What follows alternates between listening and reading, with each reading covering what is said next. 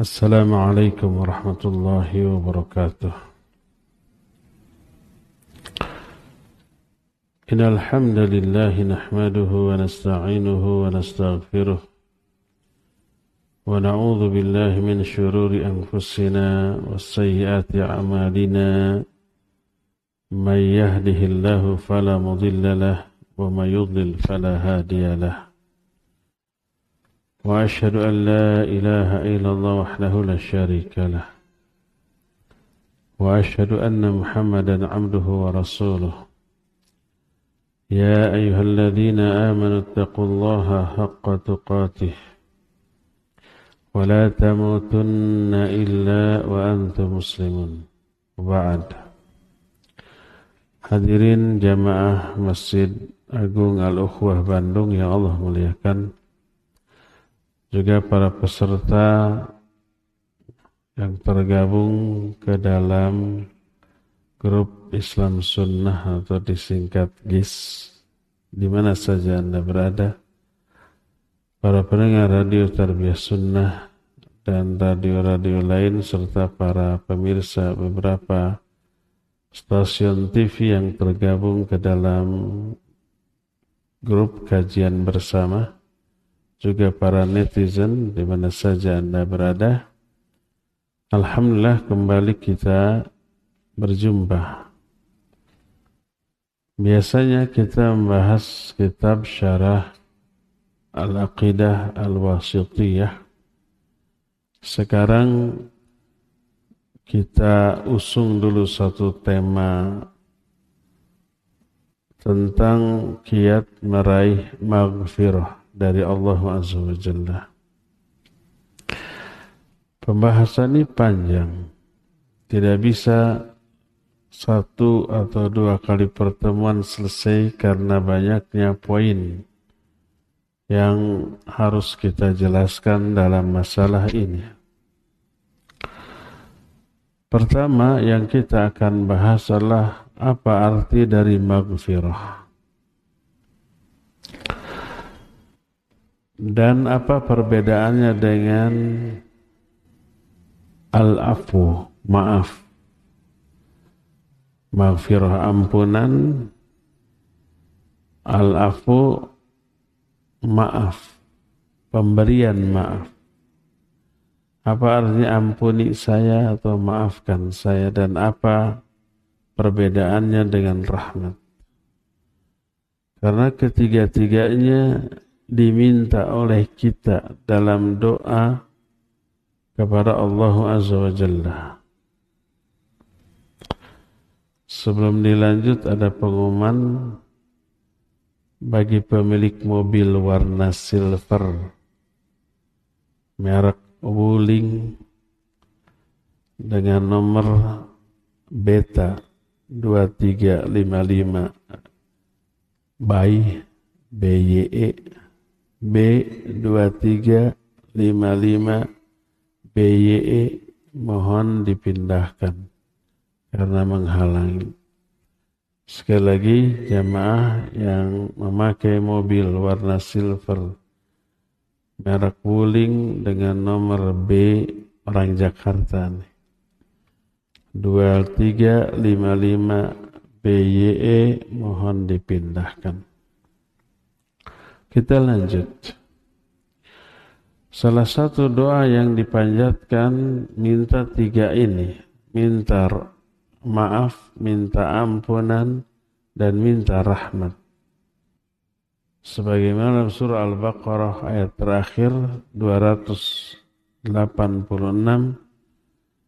wa'fu anna waghfir lana warhamna anta maulana wa'fu anna maafkan kami waghfir lana ampuni kami warhamna dan rahmati kami tiga-tiganya kita minta. Apa maknanya? Jadi minta maaf, minta maghfirah, dan minta rahmat. Dijelaskan oleh para ulama perbedaan ketiga hal ini dengan penjelasan atau tafsiran yang berbeda-beda. Adapun al-afu atau maaf adalah ayusqitallahu anhul azab. Digugurkan oleh Allah azab dari orang tersebut. Orang itu bersalah, berdosa, minta maaf kepada Allah. Allah maafkan. Apa makna dimaafkan? Digugurkan azab yang tadinya akan diberikan kepada orang itu karena dosa tersebut. Inilah al-afu, digugurkannya azab. Adapun al-maghfirah adalah bi ayassuru alaihi minal fadhiha wa takhzil bimakna wastur alaina zallatan in ataina fima bainana wa bainak fala takshifha wala tafdhahna wala tafdhahna bi idhariha Adapun maghfirah adalah ditutupnya atau dirahasiakannya dosa tersebut. Tidak diekspos. Sehingga waghfir lana maknanya adalah tutuplah bagi kami kesalahan-kesalahan kami bila kami melakukan kesalahan tersebut. Jangan engkau singkap kepada banyak orang. Itulah maghfirah. Adapun rahmah fahiya in'amu minallah wa karamu minhum. Fi ziyadatil hasanat wa saffah anis sayiat Wadhalika bitafqili mizanina ma'aslafina. Rahmah adalah gabungan dari kedua-duanya. Rahmah itu nikmat dan kemuliaan dari Allah dalam bentuk ditambahkannya pahala kebaikan, dihapuskannya dosa dengan cara diberatkannya timbangan amal kebaikan yang telah dilakukan. Itulah tiga perbedaan antara al-afu, maghfirah, dan rahmat. Itu hanya salah satu pendapat. Pendapat lain seperti yang dikemukakan oleh al-imam Ibnu Jarir Al-Tabari rahimahullahu taala.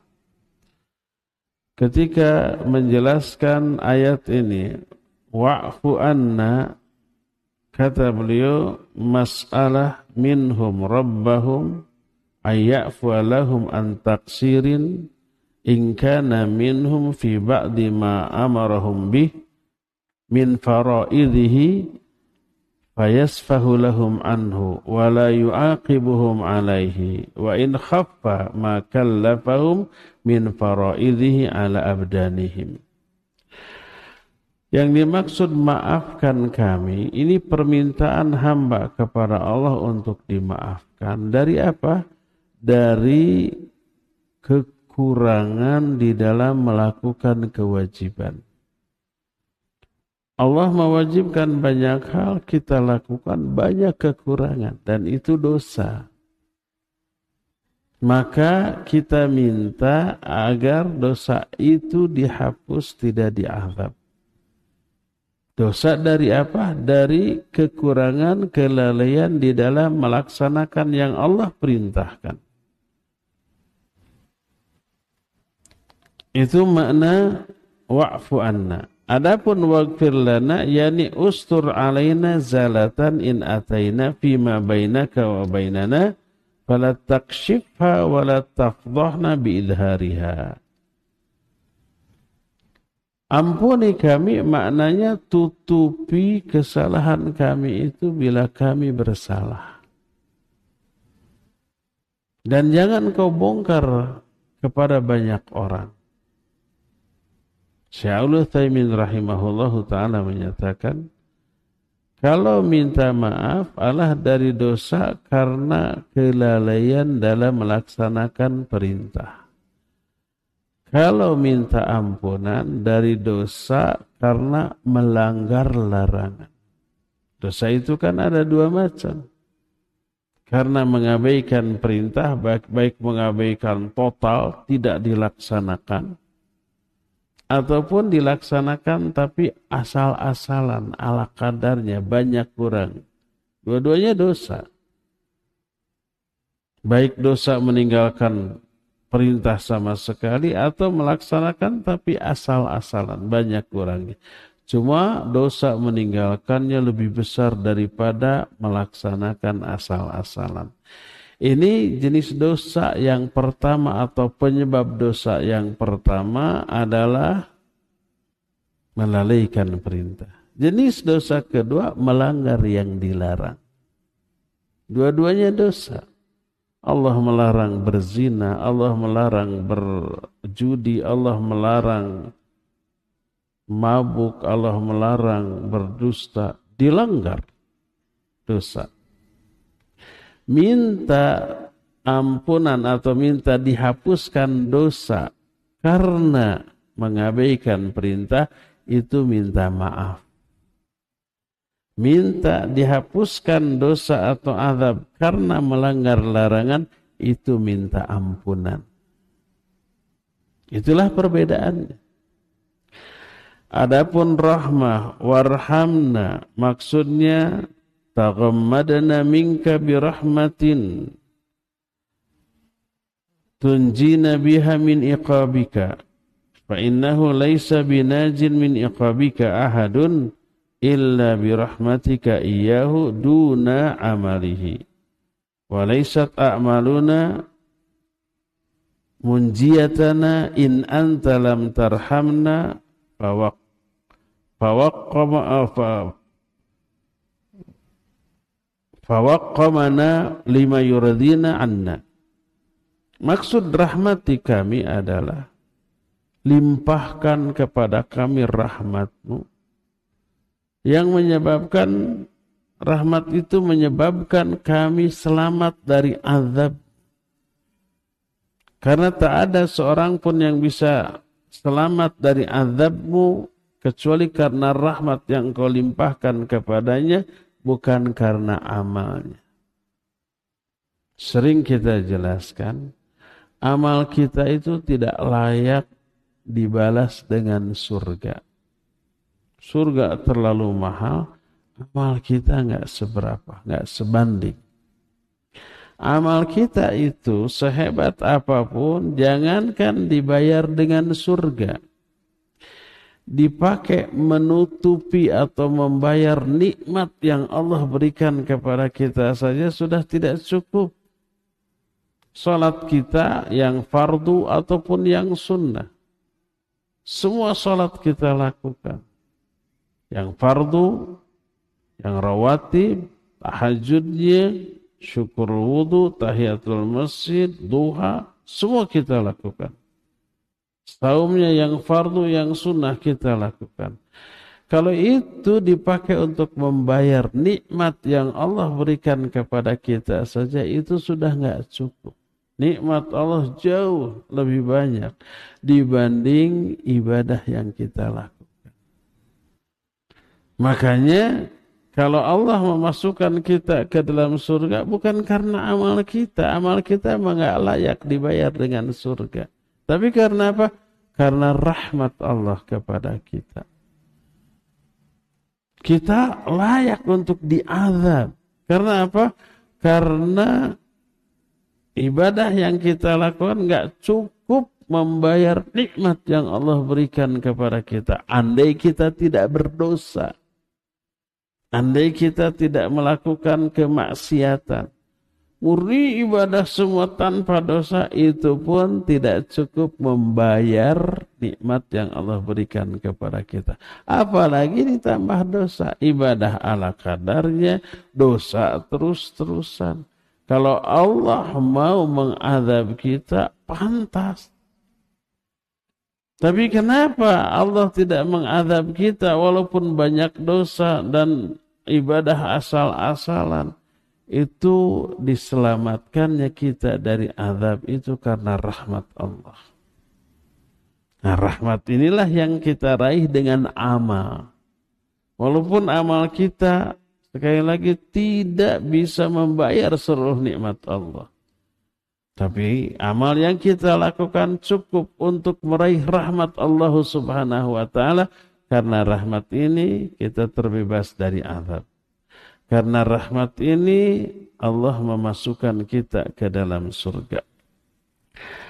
Berdasarkan hal itu yang dimaksud dengan warhamna berikan rahmat kepada kami. Maksudnya limpahkan rahmat yang bisa menyebabkan kami selamat dari azabmu.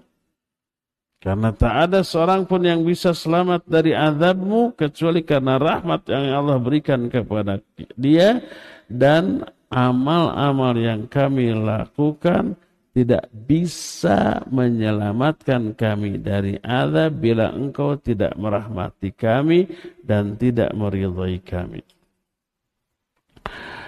Berdasarkan hal itulah maka dikatakan al-maghfirah as-satr minadz-dzambi wal afu adamul iqab ala taqsiri fil amr warahmah an najatu minal iqab li tahsili ridallahi azza wa jalla.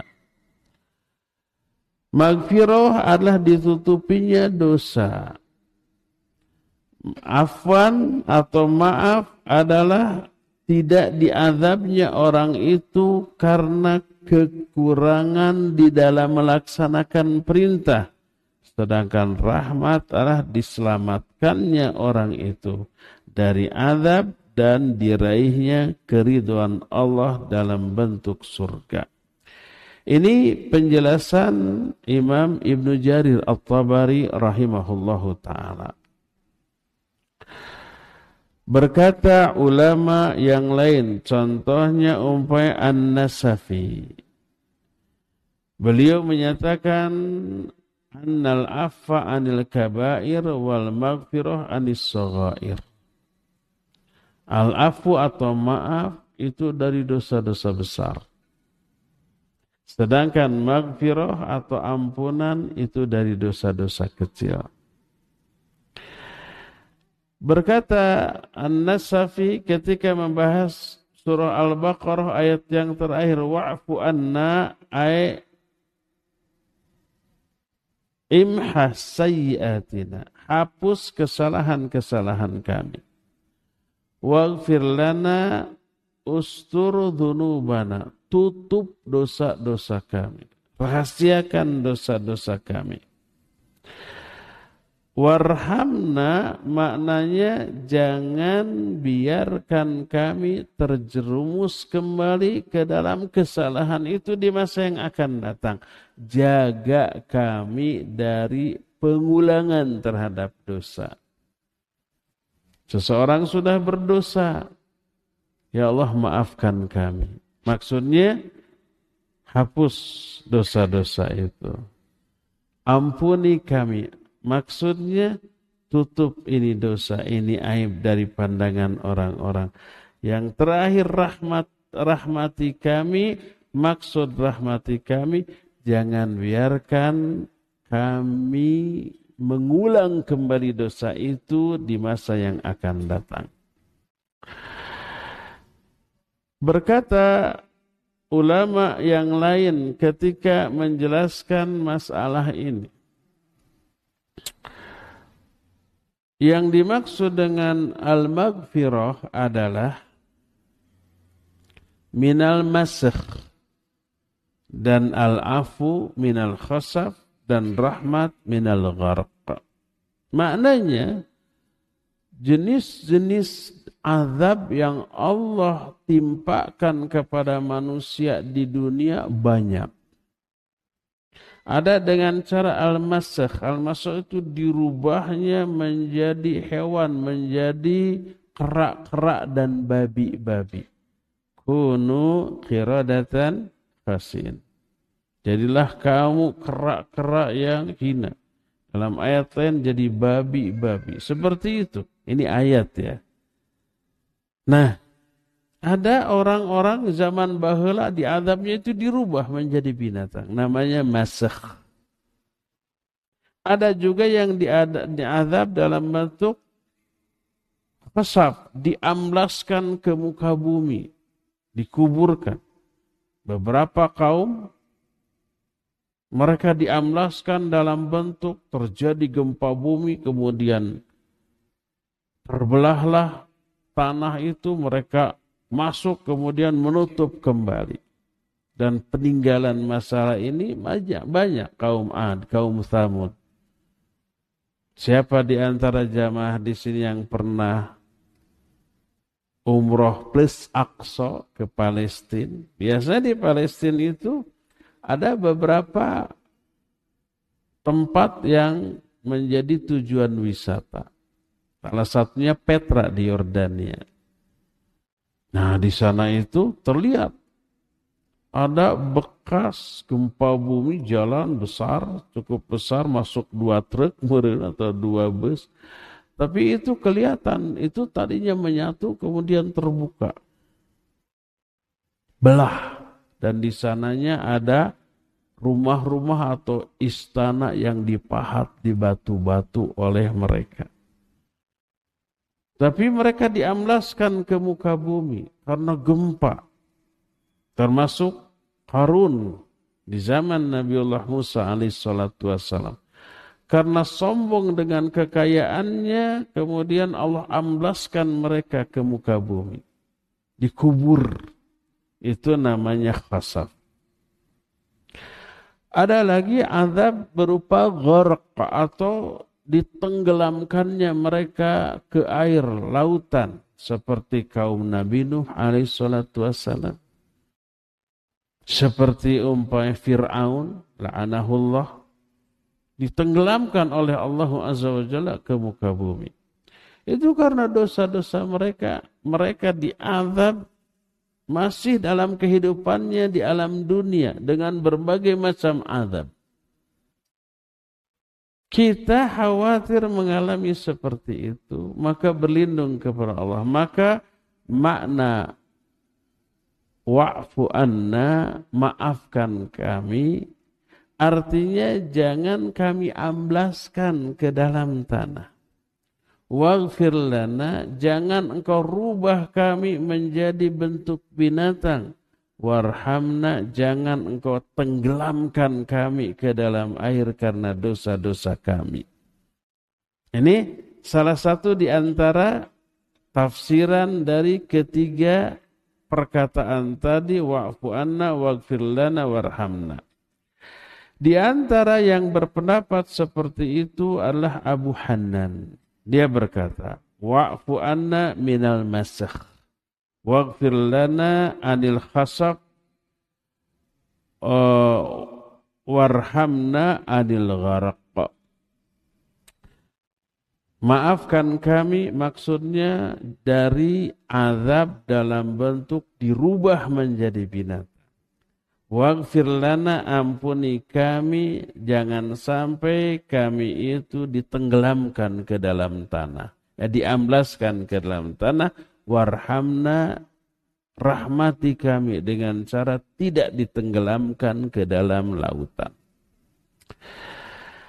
Ada lagi yang berpendapat wa'fu anna fi sakaratil maut. Maafkan kami ketika sedang mengalami sakaratul maut. Tidak semua orang mengalami sakaratul maut, tapi umumnya ya.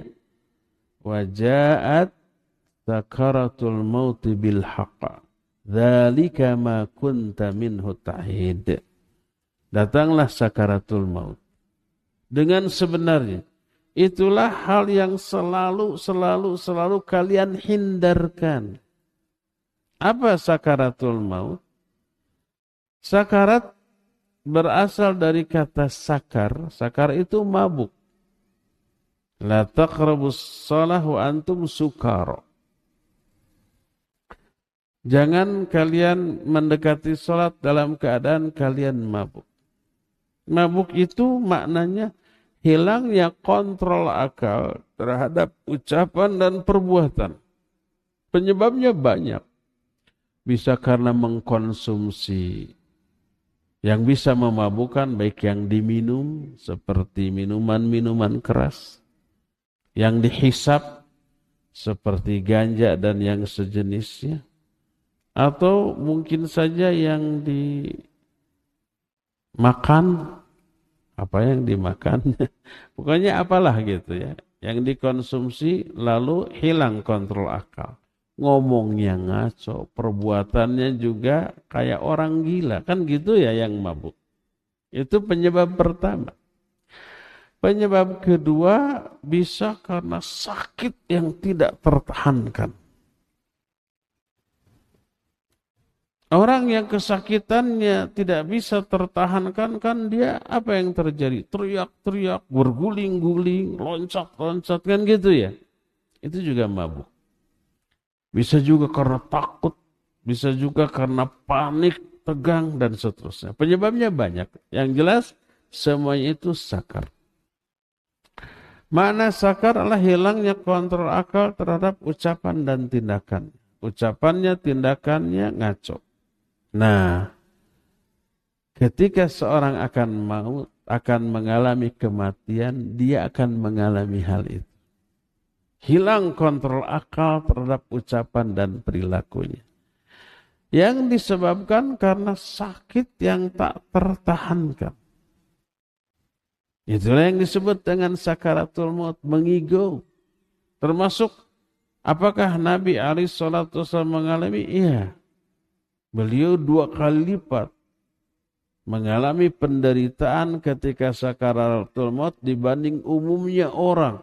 Sampai beliau memasukkan kedua tangannya ke wadah yang berisi air lalu diusapkan ke wajahnya sambil berkata la ilaha illallah inna lil mauti sakarat.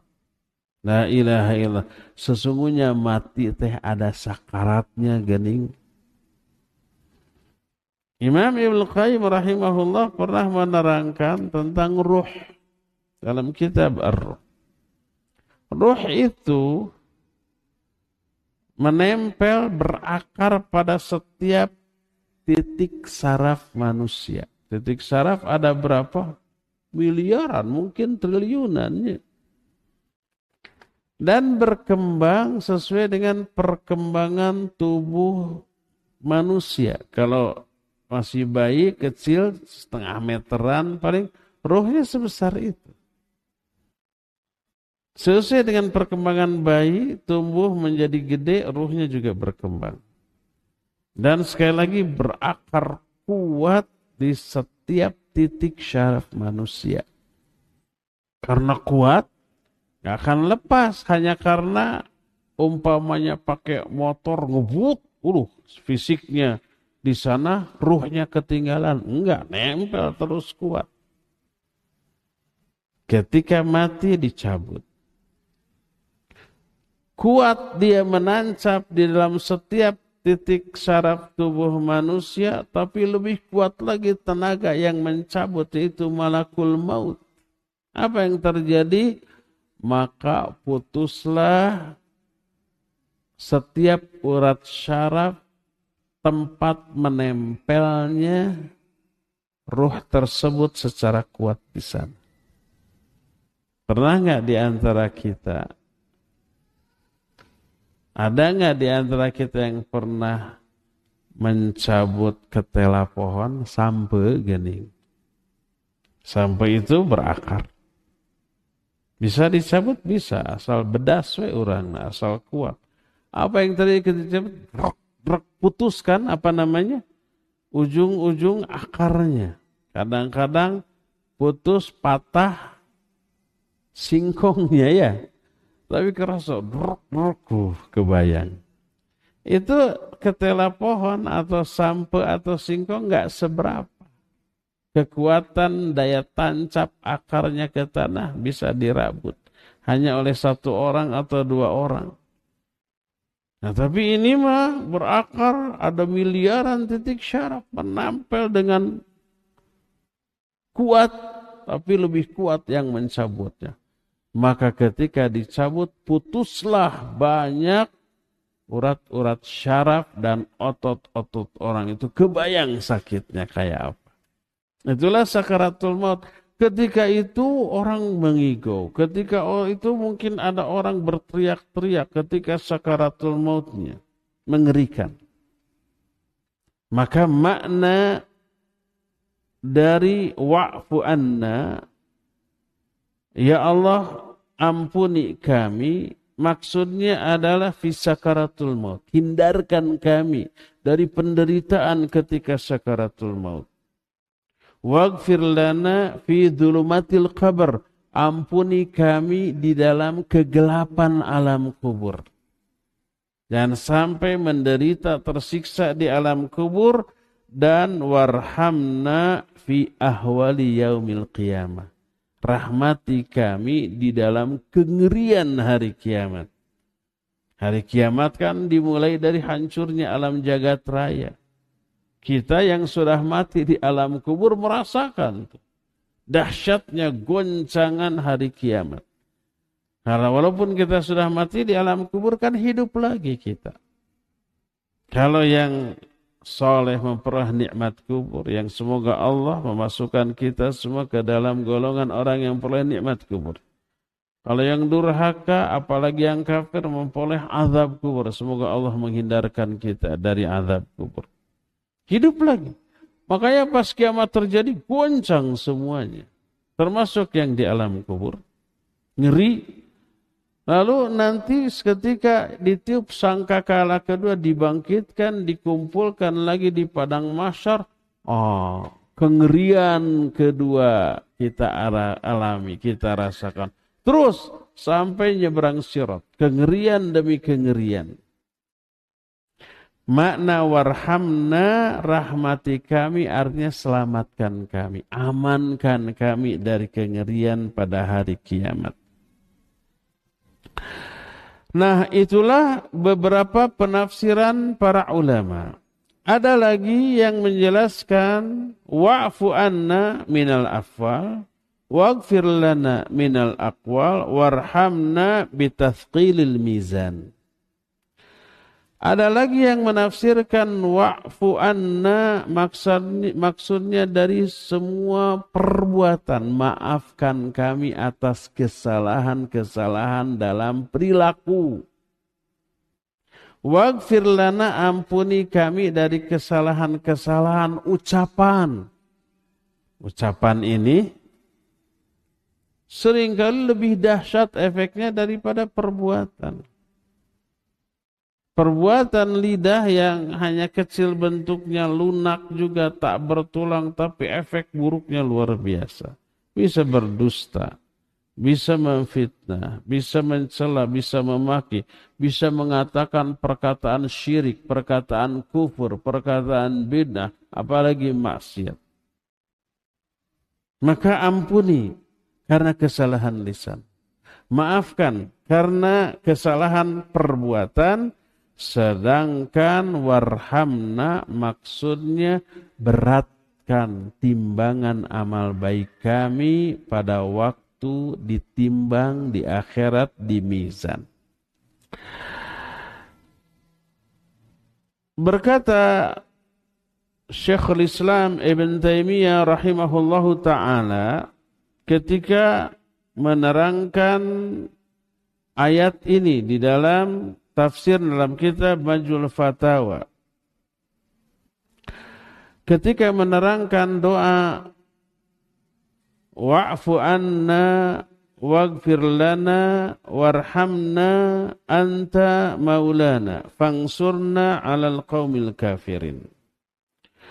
Makna wa'fu anna adalah fima bainana wa bainaka mimma ta'lamuhu min taksirina wazzalalina. Maafkan kami atas dosa antara kami dengan engkau yang engkau ketahui berupa kekurangan-kekurangan kami dalam menunaikan kewajiban-kewajiban kami. Itu makna wa'fu anna. Minta maaf dari dosa dan kesalahan karena kekurangan dalam melaksanakan kewajiban. Kita semua menyadarilah, sholat kita tuh banyak kurangnya. Saum kita juga banyak kurangnya. Umroh haji kita juga begitu. Makanya pantas setelah beres melakukan ibadah-ibadah tadi kita tuh diperintahkan istighfar. Assalamualaikum kanan, assalamualaikum kiri. Yang pertama kata kita lakukan astagfirullah, astagfirullah, astagfirullah tiga kali.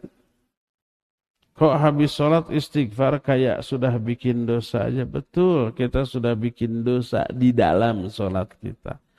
Dosa apa? Banyak hak Allah yang kita lalaikan di dalam sholat. Mungkin aspek niat. Yang pasti mah aspek kekhusuannya. Aspek niat kita bisa lillahi ta'ala. Menurut kita mah, kata menurut Allah mah. Tapi aspek kekhusyuan menurut kita juga secara jujur terkhusyuk kita. Betul apa benar? Iya.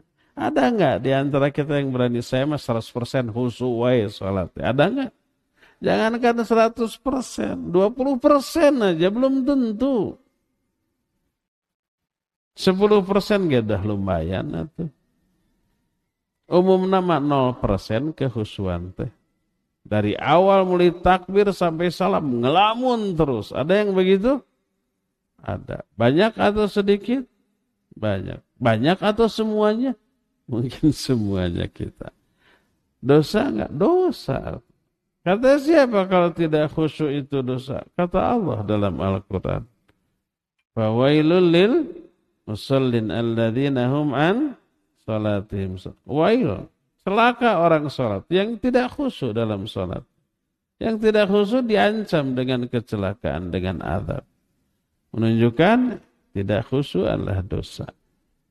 Makanya pas beres salam astagfirullah, astagfirullah. Nah ini yang dimaksud dengan wa'fu anna, maafkan kami. Dari apa? Dari kekurangan dalam melaksanakan perintah. Waghfir lana fima bainana wa baina ibadika fala tudhhirhum ala musawi ala masawina wa amalina al-qabiha.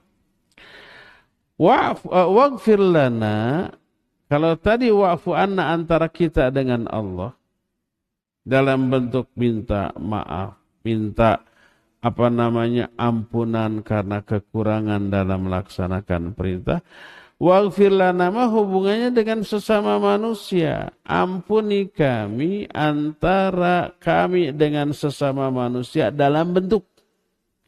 Jangan engkau tampakkan dosa, aib, kesalahan kami dalam pandangan sesama manusia. Tadi hubungannya dengan Allah, maafkan, ampuni dosa kami, hapus dan jangan diazab.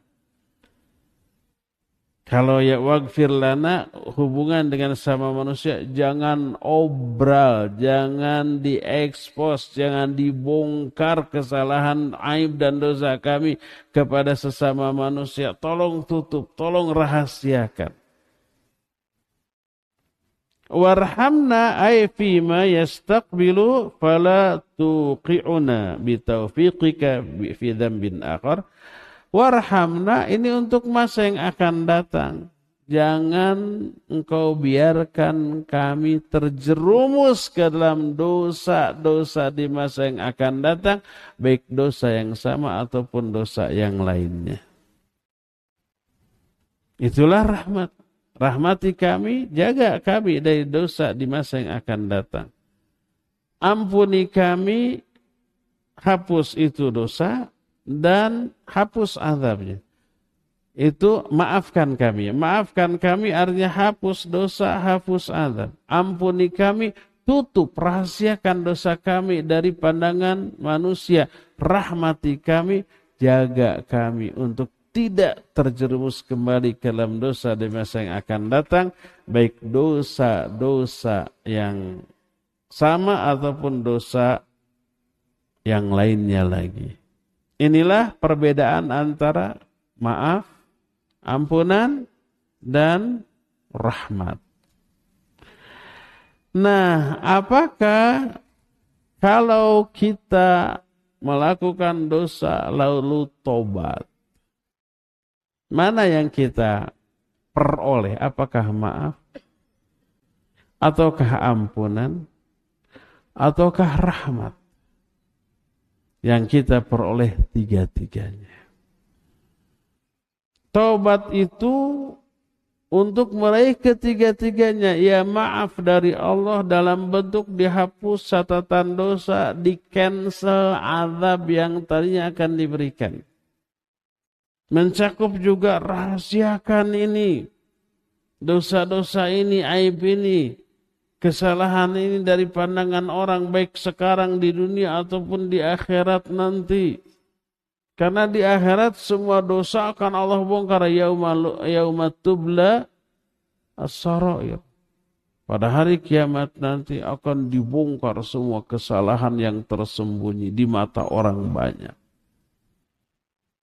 Jangan sampai dipermalukan ya di dunia ya di akhirat. Bayangkan kalau umpama aib kita di dunia diekspos oleh orang banyak, kita malunya bukan main. Bisa-bisa kita nggak akan bisa keluar dari rumah, nggak sanggup menampakkan wajah di hadapan tetangga, kawan, orang-orang. Apalagi kalau public figure, dia nggak kenal ke semua orang, semua orang kenal dia. Terus aibnya dibongkar, malu nggak? Malu. Itu di dunia. Di akhirat jauh lebih dahsyat lagi daripada itu kalau dibongkar oleh Allah. Tapi orang yang dapat tiga-tiganya karena tobat, dapat maaf, dapat ampunan, dapat rahmat. Di dunia orang itu ditutup aibnya. Di akhirat catatan dosa itu dihapus, azab yang tadinya dicanangkan akan diberikan juga di cancel, tidak ditimpakan dan tetap aib dia di akhirat aman. Orang-orang nggak tahu. Sebagaimana diterangkan dalam salah satu hadis yang sahih. Berkata Rasulullah sallallahu alaihi wasallam, innallaha sayukhlisu rajulan min ummati ala ru'usil khalaiq yaumal qiyam. Allah akan menyelamatkan salah seorang di antara hambaku dan salah seorang dari umatku di hadapan seluruh makhluk pada hari kiamat. Orang itu dipanggil oleh Allah. Lalu Allah turunkan sater, penutup hijab, semacam gordek. Orang lain pada hari kiamat tidak melihat, tidak mendengar dialog antara Allah dengan orang itu. Allah membongkar, mengungkit dosa-dosa dia. Tapi hanya dia, yang lain nggak lihat, nggak tahu. Kata Allah, Ata'arifu dzamba kada wa kada fi yaumi kada wa kada. Kamu ngaku nggak kamu berbuat dosa ini ini ini di hari ini ini ini ini orang itu menjawab bala ya Rabbi ya saya ngaku ya Allah. Semua dosa diungkit. Sampai dia menyangka wa annahu qad halak. Dia menyangka dirinya akan binasa, babak belur, akan menderita, terkena azab karena dosa-dosa yang diungkit tadi tapi apa kata Allah? Qad satartu halaka fid dunya wa aghfiru halakal yaum. Aku telah tutup dosa-dosamu itu ketika di dunia. Aku rahasiakan. Aku tutup rapat. Orang nggak tahu bahwa kamu berdosa, bermaksiat, melakukan banyak kesalahan, memiliki banyak aib. Aku tutup di dunia. Dan hari ini aku ampuni semua dosamu itu. Ini luar biasa ya rahmat Allah kepada orang itu. Berdosa, ditutup, dirahasiakan, diampuni, tidak diazab, semua orang tidak tahu. Inilah yang dimaksud dengan ketiga poin yang tadi diterangkan dalam Al-Baqarah yang terakhir. Dia memperoleh maaf, memperoleh ampunan, memperoleh rahmat. Ini yang dimaksud dengan wa'fu anna waghfir lana warhamna. Tiga-tiganya ini dapat untuk dunia dan akhirat. Nah, apabila ya tiga perkataan ini menyatu dalam satu kalimat, Seperti dalam surah Al-Baqarah terakhir, wa'fu anna waghfir lana warhamna, maka maknanya seperti tadi berbeda.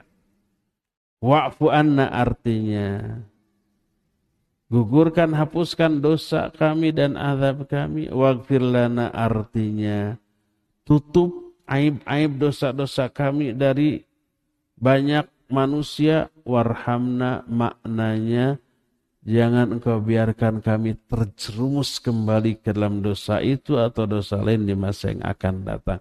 Kalau tiga-tiganya menyatu dalam satu kalimat, maknanya berbeda-beda. Tapi, kalau tiga kata ini masing-masing berdiri sendiri, maka tiga-tiganya menjadi sinonim. Menjadi persamaan kata. Tiga-tiganya mencakup makna yang lain. Keseluruhan makna ini tercakup. Oleh karena itu, baik kalau umpamanya Allahumma innaka afun tuhibbul afa fa'fu anna. Doa apa itu? Waktu Lailatul Qadar. Allahumma innaka afun ya Allah sungguh engkau afun maha pemaaf. Tuhibbul afa sangat mencintai maaf. Fa'fu anna ma maafkan kami. Maknanya sama dengan magfirah dan rahmat. Makna maafkan kami di sana artinya adalah hapuskan kesalahan, hapuskan azab, tutup ini aib, jangan sampai diketahui oleh manusia dan jaga kami untuk tidak terjerumus kembali ke dalam dosa itu di masa yang akan datang. Walaupun hanya disebut maaf saja tapi mencakup, mencakup makna maghfirah dan makna rahmat.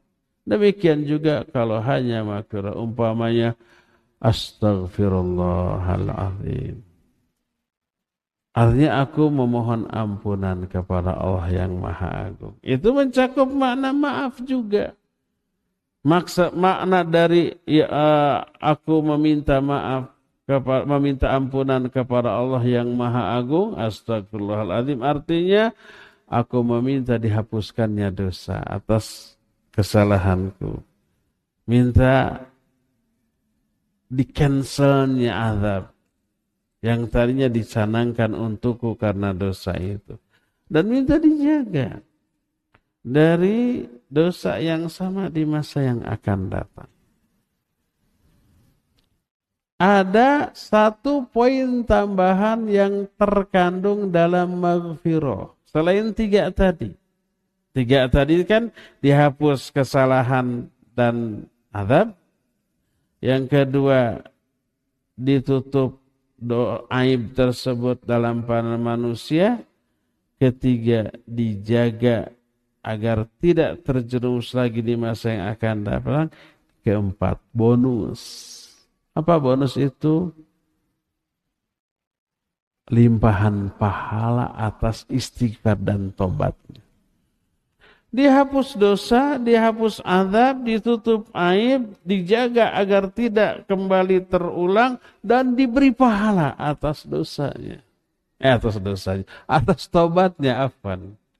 Atas tobatnya, atas istighfarnya. Empat poin nih.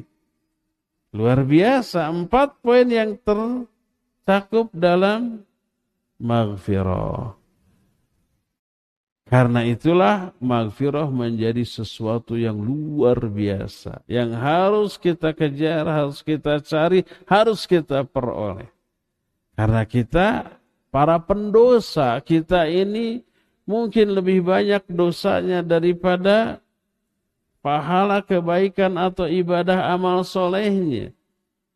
Dan ini ditetapkan oleh Rasul SAW dalam salah satu hadis, kullu bani Adam khatta'un. Semua bani Adam khatta' bukan khati'un tapi khatta'un dengan memakai lafad sigat mubalagh. Artinya terus-terusan berdosa dengan dosa yang bervariasi dengan kadar dosa yang besar ya terus-terusan wa khairul khata'in at-taubun tapi sebaik-baik orang yang berbuat dosa adalah yang bertobat dan inilah karakter orang yang takwa Orang yang takwa bukan orang yang tidak pernah dosa, tidak pernah salah, nggak ada tuh. Allah menjelaskan walladzina idza fa'alu fahishatan aw zalamu anfusahum dzakarullaha fastaghfaru lidzunubihim. Orang bertakwa adalah orang yang apabila mereka melakukan perbuatan keji, idza fa'alu fahisha, ini dosa besar. Au dzalamu anfusahum atau zalim kepada diri sendiri, ini juga dosa besar. Fastaghfar apa? Dzakarullaha. Mereka cepat ingat kepada Allah.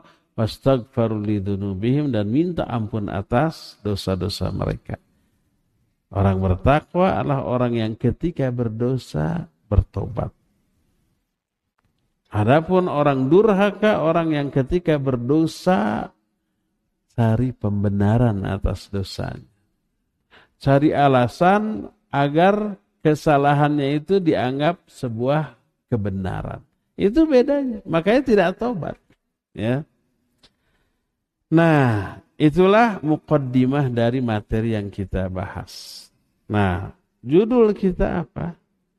Bagaimana cara meraih maghfirah dari Allah Azza wa Jalla. Bagaimana cara agar empat poin tadi itu kita peroleh setelah kita melakukan dosa dan kesalahan. Ya dihapus catatan dosa itu. Ya juga tidak diazab oleh Allah. Ya juga dirahasiakan aib ini dalam pandangan orang. Ya juga dijaga agar tidak terulang di masa yang akan datang.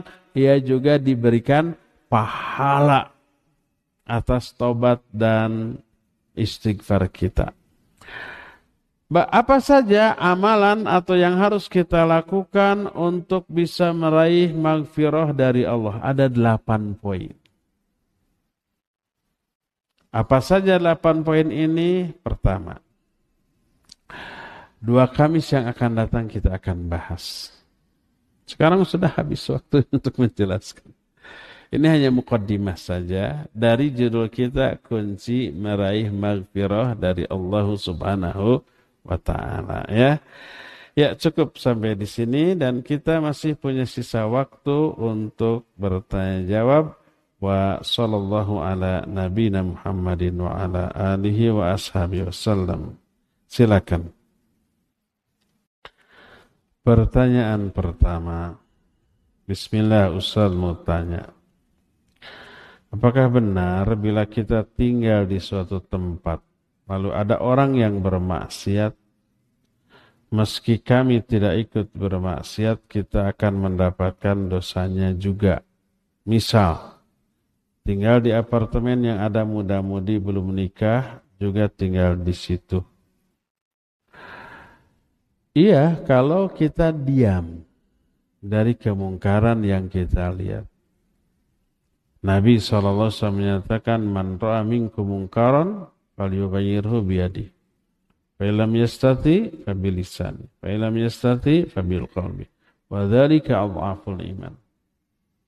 Siapa saja di antara kalian yang melihat kemungkaran ubah dengan tangan, kalau tidak mampu dengan lisan, kalau tidak mampu dengan hati, tapi selemah-lemahnya iman. Kalau dengan hati pun tidak, itu tidak ada iman dosa dia. Amar ma'ruf nahi munkar adalah kewajiban. Tidak dilaksanakan dosa. Ikut berdosa, ya, tapi bukan dosa seperti yang mereka lakukan, dosa karena tidak beramar ma'ruf nahi munkar kepada mereka. Tapi kalau di apartemen ada diisi oleh muda-mudi yang belum menikah, ya apa salahnya? Kan beda kamar, ya enggak?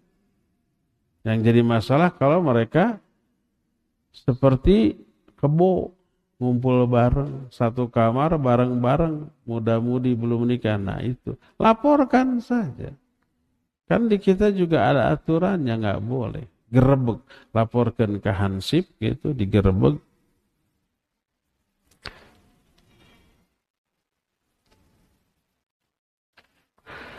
Assalamualaikum. Waalaikumsalam. Semoga Ustaz tim yang mengikuti kajian ini juga seluruh muslim di mana pun berada selalu dirahmati oleh Allah. Amin.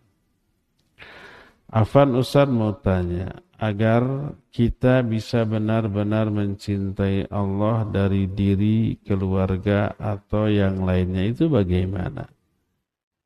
Nah, nanti setelah selesai cara meraih maghfirah, kita bahas cara meraih kecintaan Allah. Bagaimana agar kita dicintai oleh Allah? Jadi jawaban dari pertanyaan itu berupa kajian lagi 10 kali pertemuan.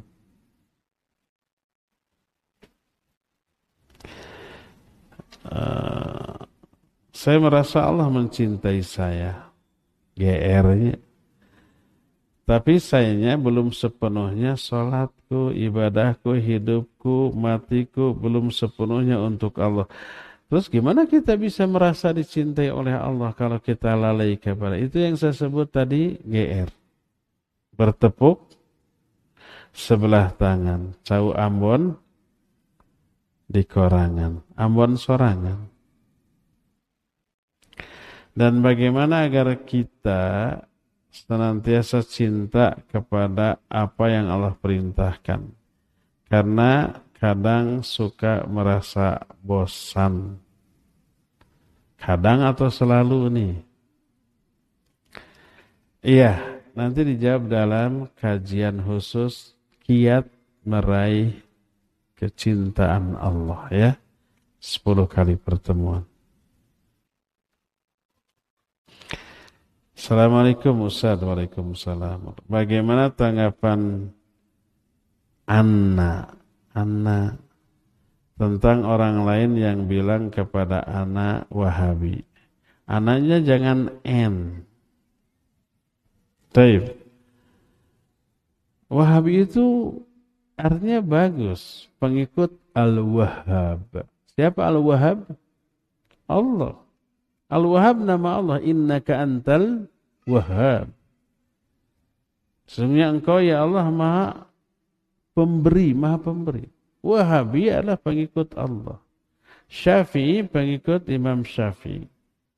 Maliki pengikut Imam Malik. Ini Wahabi pengikut Allah. Siapa yang nggak bangga ya enggak? Oh enggak itu aliran Muhammad bin Abdul Muhammad itu nama asli Muhammad bin Abdul Wahab. Tapi begitulah Allah menuntun agar orang-orang yang berpegang teguh kepada Al-Quran dan As-Sunnah disebut dengan sebutan Wahabi artinya pengikut Al-Wahhab yaitu Allah. Bukan pengikut Muhammad bin Abdul Wahhab ya bilang saja. Tahu nggak arti Wahabi apa? Pengikut Allah. Kamu nggak mau disebut Wahabi? Berarti nggak mau disebut pengikut Allah. Lalu pengikut siapa kamu? Itu saja bilang.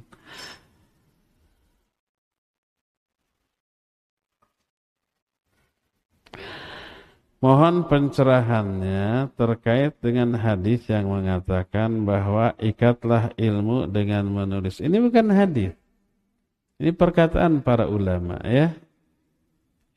Ikatlah ilmu dengan menulisnya. Dan dari Asy-Sya'bi rahimahullah berkata, apabila engkau mendengar suatu ilmu maka tulislah meskipun pada dinding. Vandalisme dong.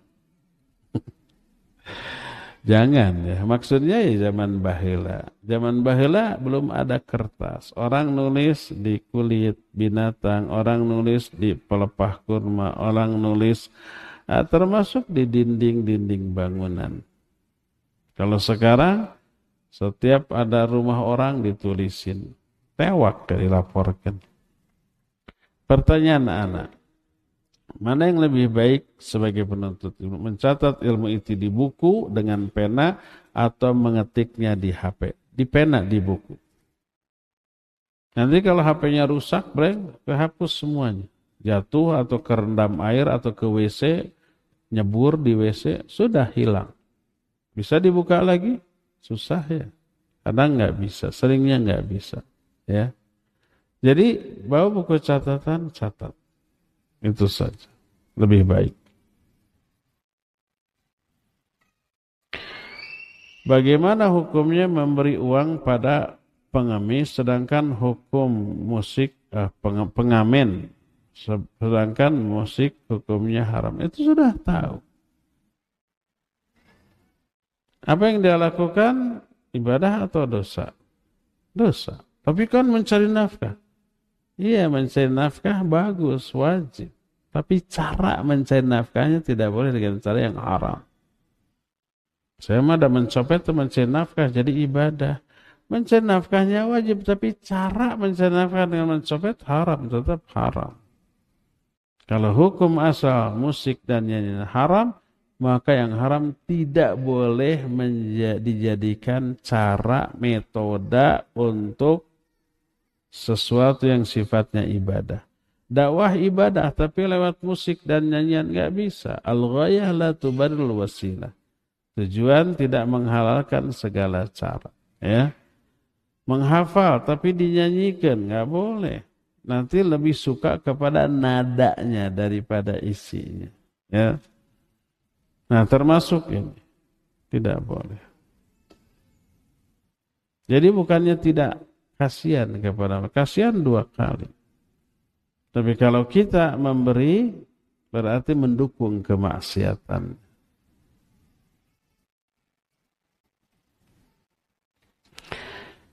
Izin mohon nasihat untuk kami sekeluarga sembilan orang bersaudara yang telah didolimi oleh kakak ipar kami.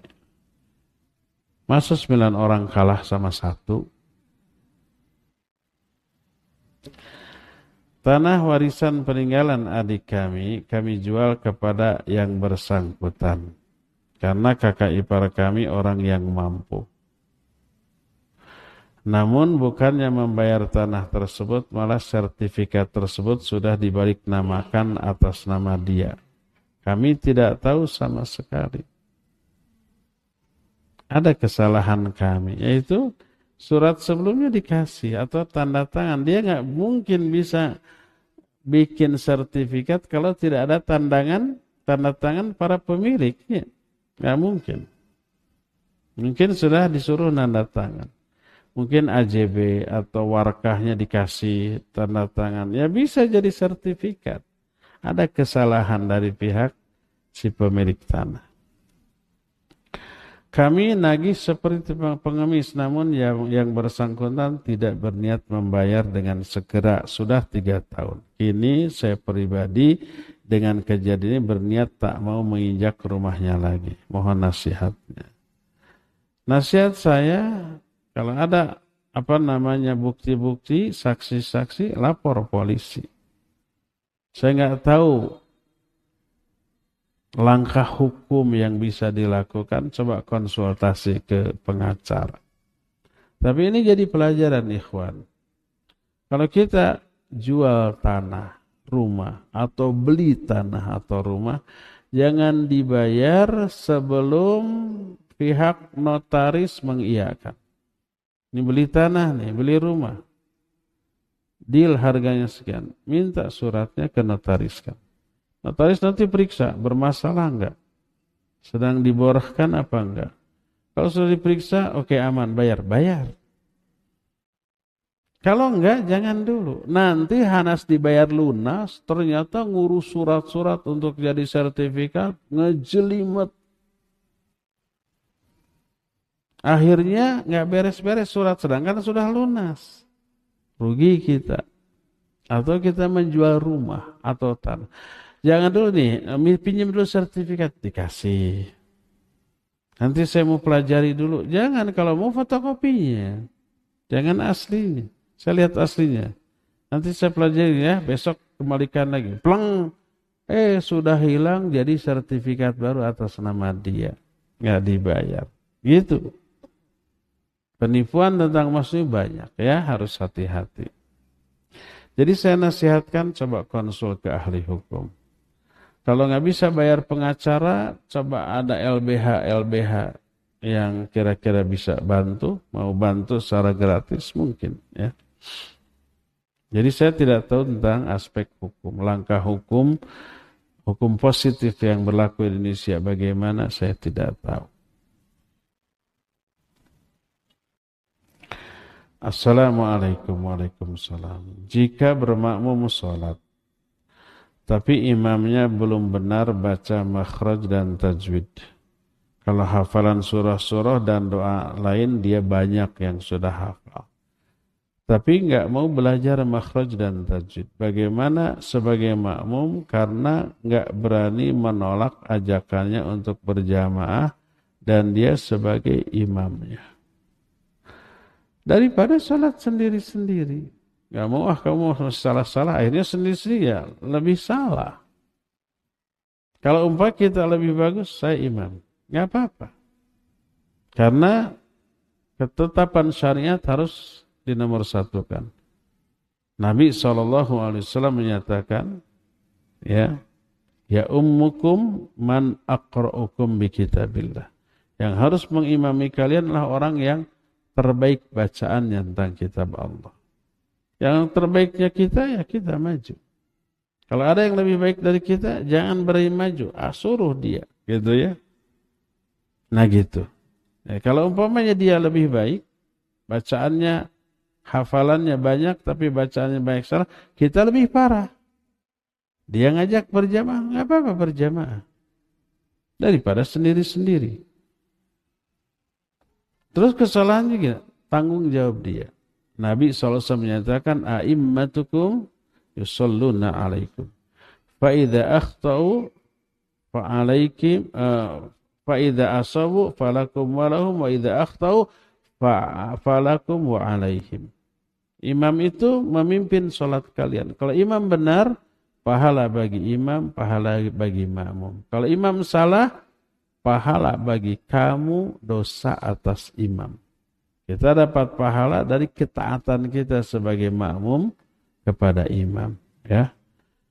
Kalau dia imam tetap di suatu masjid, ya ikuti saja. Mungkin dia terbaik, yang lain lebih parah daripada sholat sendiri-sendiri. Di sini nggak ada yang layak dari imam, nggak perlu berjamaah sholatnya masing-masing. Oh, daripada gitu, parah. Berjamaah ambil yang terbaik walaupun yang terbaik ini masih salah tajwid makhraj. Enggak apa-apa.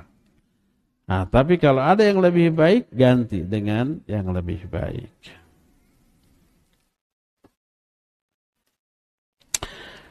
Bagaimana hukumnya jika seorang ikhwan atau suami senang melihat akhwat dengan pakaian seksi? Uh, ini mah curhat. Juga suka melihat konten akhwat yang umbar aurat sambil joget-joget. Tapi menyuruh istri tutup aurat. Ini mah laporan dari akhwat. Intinya akhwat, ini suami saya kayak gitu nih. Tolong nasihati, gitu tak. Ya dosa tidak boleh. Matanya itu nanti, naudzubillah, dicolok gerak. Qul lil mu'minin yaghuddu min absarihim. Katakan kepada orang mukmin tundukkan pandangan mereka. Jadi tidak boleh menatap aurat wanita baik langsung ataupun tidak langsung seperti lihat videonya atau fotonya. Auratnya terbuka tidak boleh. Haram hukum, tidak boleh. Adapun dia menyuruh istri menutup aurat, itunya bagus. Jangan sampai ye, ay istrina disuruh tutup aurat, ay dianya sendiri melihat aurat, udah buka aja sekalian. Nah, itu yang salah bukan membuka aurat istri tapi itu tetap dipertahankan tapi jaga pandangan dari wanita lain.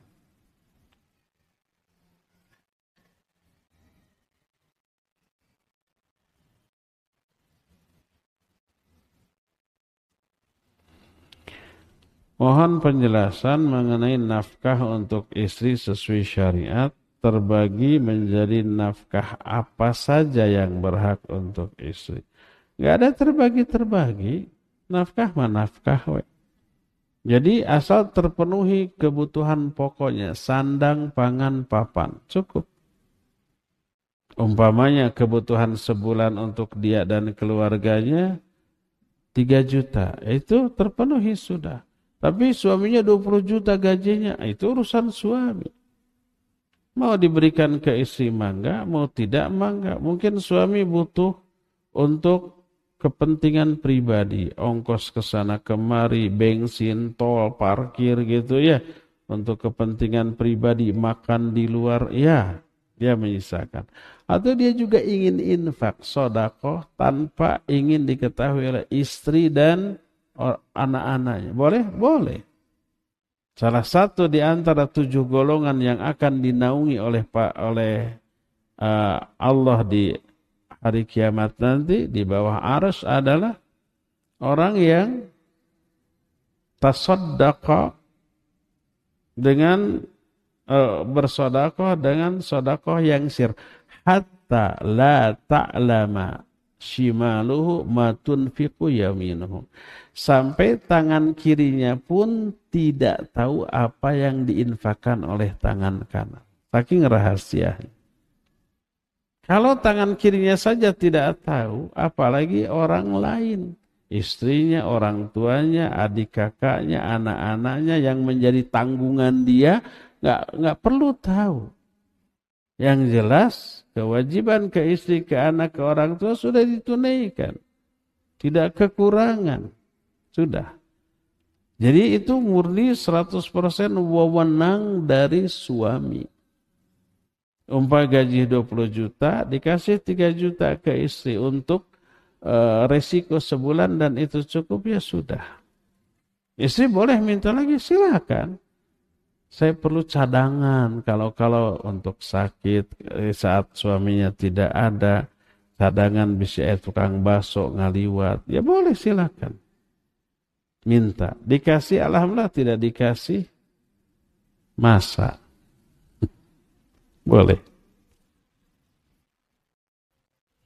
Saya ingin ganti HP karena sudah jadul, silakan ngomong ke suami. Ini HP saya sudah jadul, sudah dipijit gitu, kursornya loncat ke sana ke mana, silakan, nggak apa-apa. Dikasih alhamdulillah, tidak dikasih ya sabar, nangis boleh nangis, silakan.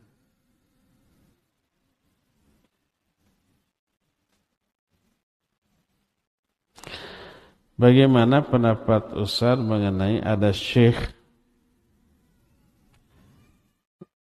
yang mengatakan syekh Fulan sururi. Apa kita bisa mengambil ilmu dari syekh Fulan? Iya. Ini juga yang membuat saya kaget gitu ya. Allahul Musta'an. Bingung gimana jawabnya. Sudah mau datang.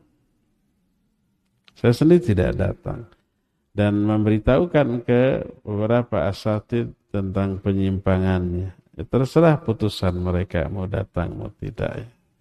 Konon minta ketemu juga dengan saya tapi kita masih mengereng waktunya gitu kapan. Karena waktunya nggak pas ya. Saya ada keluar kota, beliau ke sini gitu. Lihat-lihat waktunya nanti. Namanya disebut tapi saya tidak bacakan. Kalau mau tahu silakan nanti lihat. Tapi saya sakuan lah.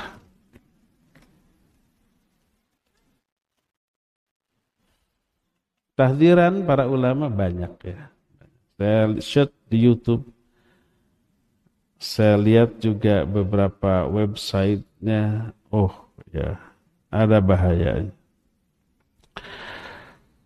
Ustaz qadarullah ada anggota keluarga kami yang melakukan dosa zina.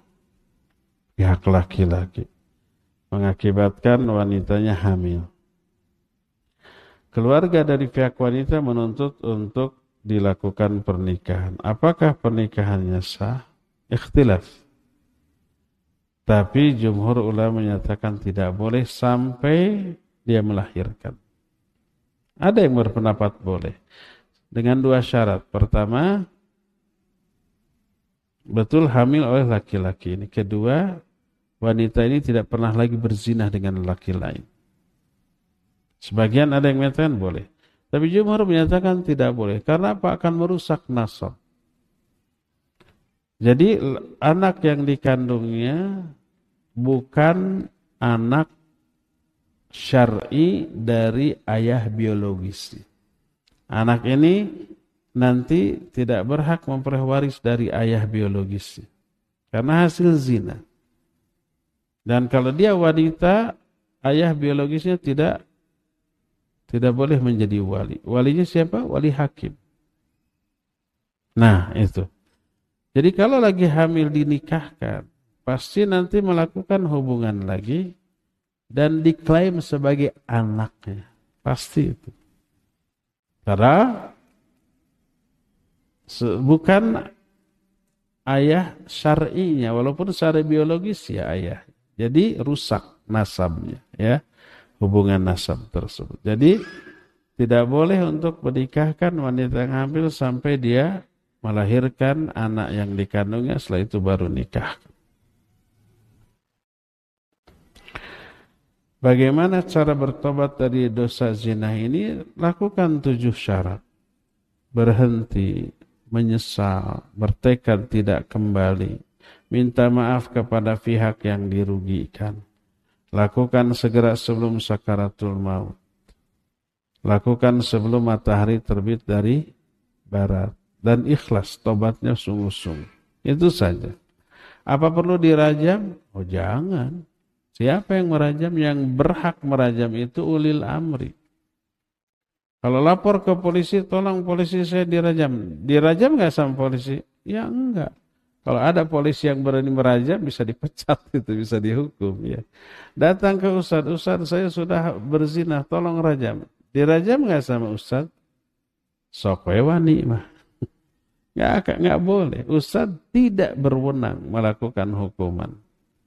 Kalau dia nekat merajam, dosa si ustaz. Karena bukan wewenang, ini wewenang ulil amri ya. Ya sudah tobatnya dengan cara tadi. Semoga Allah menerima tobatnya.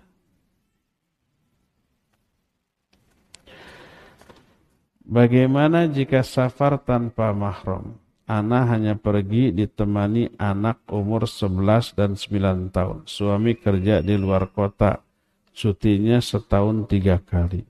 Liburan ini rencana terbang ke sana karena suami nggak nggak bisa jemput terkendala cuti. Kalau anak 11 tahun itu sudah balik, boleh menjadi mahram. Mahram itu laki-laki yang haram dinikah dan sudah balik. Tapi kalau belum balik maka tidak boleh. Ya atau wanita sesama anaknya perempuan sudah 19 tahun sudah balik bukan laki-laki kalau tidak ada dan sekarang ini usia 11 tahun sangat mungkin laki-laki sekarang sudah balik 19 tahun eh 11 tahun kadang 9 tahun juga sudah balik sudah ihtilam dia ya apalagi 11 tahun kalau belum ada yang balik Coba minta di antara adiknya atau ayahnya atau mahram lainnya ya. Lebih baik berkorban mengongkosi daripada berdosa. Itu saja solusinya.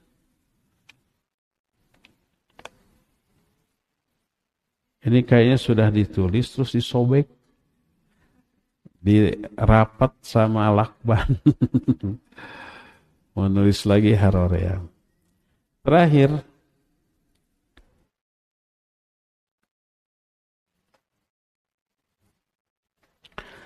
Ana ada pertanyaan terkait azab kubur. Anak kemarin mendengar dari kajian Ustadz Sunnah bahwasanya azab kubur dan perjalanan menuju akhirat menghapus dosa. Apakah orang yang ditakdirkan mendapat nikmat kubur bisa jadi diazab dulu sebelumnya? Tidak. Betul, azab kubur mengurangi dosa. Semua penderitaan yang dialami oleh manusia baik ketika hidup, kita banyak musibah, banyak menderita, itu mengurangi dosa. Ketika sakaratul maut itu mengurangi dosa. Itulah yang menjadi penyebab kenapa Nabi SAW dan para ulama solihin sakaratul mautnya hebat. Karena itu menghapus dosa. Allah ingin orang ini meninggalkan dunia menghadap Allah dalam keadaan bersih dari dosa. Jadi kalau di akhir hayat masih ada dosa tersisa belum diampuni, belum ditobati, Allah gugurkan dengan cara diberi syakaratul maut yang hebat. Maka dosanya bersih dan menghadap Allah dalam keadaan tidak punya dosa. Kalau orang itu tidak punya dosa tapi syakaratul mautnya hebat seperti Nabi SAW atau bayi. Kan ada bayi sebelum matinya menderita ya lalu mati. Bayi ini level surganya nanti berbeda dengan bayi biasa yang matinya tanpa menderita. Jadi penderitaan sebelum mati yang dialami oleh bayi sampai mati dalam keadaan masih bayi, penderitaan itu mengangkat derajat dia di akhirat. Jadi level surganya berbeda dengan bayi yang tidak menderita. Begitu masuk kubur ada fitnah kubur yang menakutkan berupa bentakan malaikat ketika bertanya. Itu mengurangi dosa. Ada orang mukmin yang berdosa besar diazab di alam kubur mengurangi dosa. Sehingga nanti azab di akhirat jauh lebih ringan karena sudah terkurangi.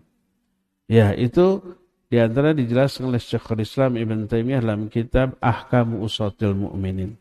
Ya. Nah, bagaimana dengan orang yang di alam kuburnya tidak dapat azab, tapi dapat nikmat kubur? Apakah nanti dosanya akan diperhitungkan dulu di akhirat? Akan diazab dulu? Kalau diperhitungkan iya, tapi diazab tidak. Kenapa? Karena Uthman bin Affan ketika berdiri di atas kuburan. Itu selalu nangis. Sampai jenggotnya basah. Menunjukkan tangisannya itu dahsyat. Bukan sekedar apa, kata orang Sunda, cari nakdak gitu ya. Cari nakdak itu apa? Berkaca-kaca. Bukan, tapi mengalir deras sampai jenggotnya basah.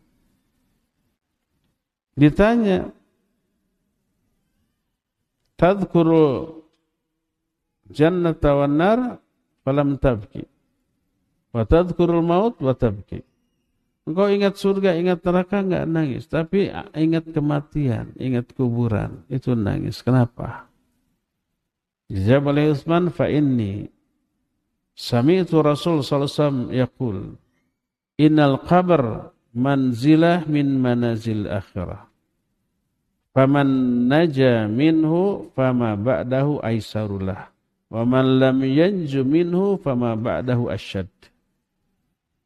Karena aku mendengar Rasul SAW bersabda, alam kubur adalah salah satu fase menuju akhirat. Siapa yang selamat dari alam kubur, kehidupan setelahnya akan lebih enteng, lebih ringan. Selamat dari fitnah kubur, selamat dari azab kubur alias memperoleh nikmat kubur di akhiratnya lebih enteng, lebih ringan. Siapa yang tidak selamat dari alam kubur, dia fitnah kuburnya nggak bisa jawab, dapat azab kubur, maka kehidupan setelahnya akan jauh lebih dahsyat, lebih mengerikan, lebih susah, lebih berat bagi dia. Azabnya akan lebih dahsyat daripada azab kubur yang dialami di alam kubur. Adapun orang yang dapat nikmat kubur dipastikan selamat di sana tidak akan ke neraka. Terus gimana dosa-dosanya? Pertama, dosa-dosanya itu mungkin sudah dibersihkan ketika sebelum mati. Mungkin banyak musibah, banyak penderitaan, minimal syakaratul mautnya dahsyat. Yang keduanya, yang keduanya, seluruh penderitaan di alam akhirat juga mengurangi dosa. Ketika di alam mahsyar kepanasan menderita, itu mengurangi dosa ketegangan, ketakutan, kengerian mengarungi dosa. Yang ketiganya mungkin dosanya terhapus oleh sebagian amal-amal baik. Allah menyatakan innal hasanat yudhibna sayyat. Sungguhnya kebaikan-kebaikan menghapus dosa-dosa. Yang keempatnya mungkin dosa-dosanya terhapus oleh doa orang lain yang memintakan ampunan. Ya Allah ampuni dia mungkin anaknya memintakan ampunan, mungkin muridnya, mungkin orang lain yang pernah ditolong. Kan ada orang umpamana kita bantu, oleh dia berdoa, Ya Allah ampuni dosa dia. Ya Allah masukkan dia ke surga. Ada? Ya, karena kebaikan. Dan terakhir mungkin karena rahmat yang Allah berikan kepadanya. Selain syafaat dari Rasul Sallallahu Alaihi Wasallam ya. Jadi kalau dia memperoleh nikmat kubur dijamin dia akan ke surga dan tidak akan ke neraka dulu. Dosanya bisa terhapus oleh banyak faktor penghapus dosa ya. Cukup ya sampai di sini waktunya juga sudah habis. Nanti sore seperti biasa kita ada kajian tentang amalan hati pada asar jam 4. Uh, eh, untuk kajian ini nanti akan kita lanjutkan di dua pekan yang akan datang hari Kamis pagi juga. Subhanakallahum bihamdik. Asyhadu an la ilaha illa anta astaghfiruka wa atubu ilaik walhamdulillahi rabbil alamin. Wassalamualaikum warahmatullahi wabarakatuh.